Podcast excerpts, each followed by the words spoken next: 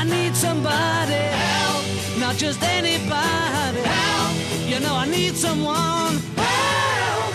I ansiktet ditt, bak nesen og pannen, nedover mot øyne og ører, der er det mange hulrom, kanaler og irrganger. Og det tenker vi som regel ikke noe særlig på, unntatt hvis vi får betennelse i de. For det merkes, eh, Morten Munkvik. Det kjenner man ganske godt, ja. Du glemte en, og det var ned mot tennene. Ja, ja, ja, du får tannverk òg. Ja, ikke sant? Det er Noen som havner hos tannlegen, så har de bihulebetennelse. For det er bihula det heter, dette her. Ja, så det er herlig å bøye seg ned når du har denne betennelsen. Kjempeflott å knytte skoene da. Ja, så det, det, det er dritvondt. Kan vi beskrive den smerten på noe vis? Det er jo som om det er et ekstremt trykk i skallen, og så har, får du ikke utligna dette her trykket. Det kommer liksom ikke ut eh, noen vei. Det nytter ikke å blåse i nesen, det nytter ikke å gjespe, det er ingenting som hjelper. Og så trenger en jo ikke å ha feber, for man trenger liksom ikke å ha bakterier og kraftig infeksjon. Det holder at det er godt tett.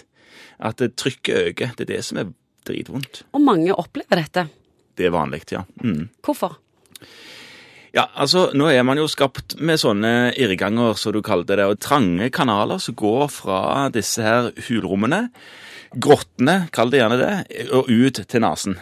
Men så er det trangt, og da kan det gå tett hvis man får litt grann hevelse i slimhinnene. Og så skiller en mellom akutt og kronisk. Ja, det, det gjør man, og det er egentlig bare et sånn tidsmessig skille. Hvis du har hatt problemer med bihulene over tre måneder, på tross av at du har prøvd å behandle dette, her, så kaller en det en kronisk bihulebetennelse. Det er jo slitsomt for den som har det, for å si det mildt. Hvordan behandler du det? Det klassiske er jo å behandle dette her med å prøve å roe ned de slimhinnene som er hovne. Og Da bruker en ofte en spray. Nesespray. Og, og så skal en ikke bruke det så lenge, for det kan en bli avhengig, vet man jo godt. Eh, sånn at noen ganger så kommer en ikke til målet med det, og da må en bruke en annen type spray.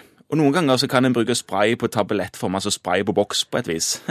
Så som en tar tabletter som virker der så sprayen ikke kommer til. Så en bruker ikke antibiotika?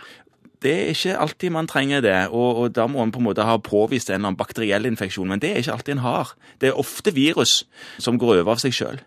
Men noen ganger så har en jo kronisk rett og slett bare fordi man har, eh, har en eller annen utvekst ikke sant, som gjør at det er en fysisk blokk, sånn at en ikke får tømt det.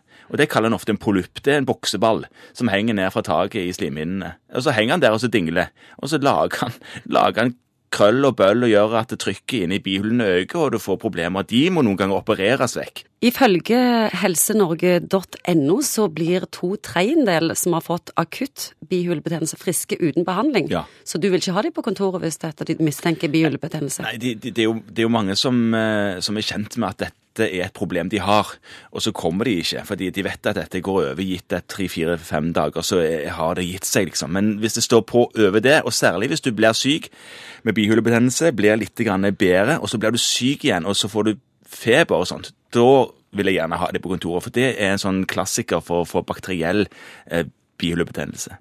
Er det en type mennesker som er mer utsatt for bihulebetennelse enn andre? Ja, de som har allergi, og allergiplager, de har ofte en sånn De er veldig gode på å få irriterte slimhinner, og de kan ofte få sånne kroniske, langvarige bihulebetennelser som ledd av sin allergi, egentlig. Så heldige de er.